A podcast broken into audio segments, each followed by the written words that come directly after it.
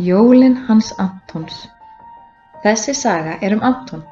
Hann er lítill jólaálfur sem vildi halda sín eigin jól án fjölskyldunar af því að hann vildi ekki deila með öðrum.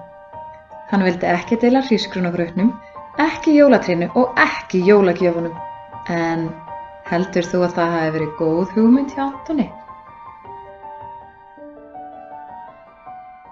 12. desember Það er alltaf spennandi þegar mamma sækir kassan með skrautinu og jólatrið.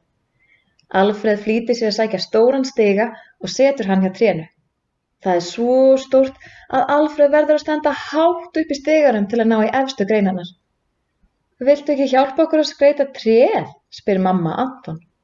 Anton hristi hausinn. Nei, ég vil hafa mitt eigið jólatré, segir hann. Pappi situr í ruggustólunum sínum og rýtur.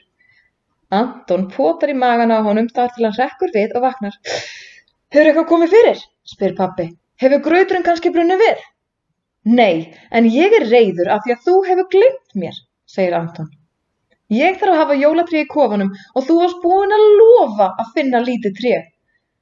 Æ, já, Hú, það er alveg rétt, segir pappi, nuttar augun og er ennþá sifjaður. Hann stendur upp, tegir sig og geispar. Anton flýtir sér að setjast í ruggustólinn og horfur á eftir pappa sem hverfur út í hlöðu. Eftir litla stund kemur hann tilbaka með litla fallega grenigrein í potti. Anton tekur pottin og horfur á litlu greinina.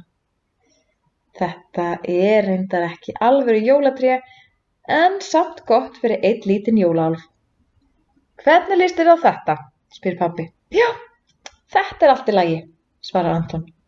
Nú vantar mér bara stóra skál af hrísgrunagraut og þá er ég að verða komin með allt sem ég þarf til þess að halda jólum mín í kofanum.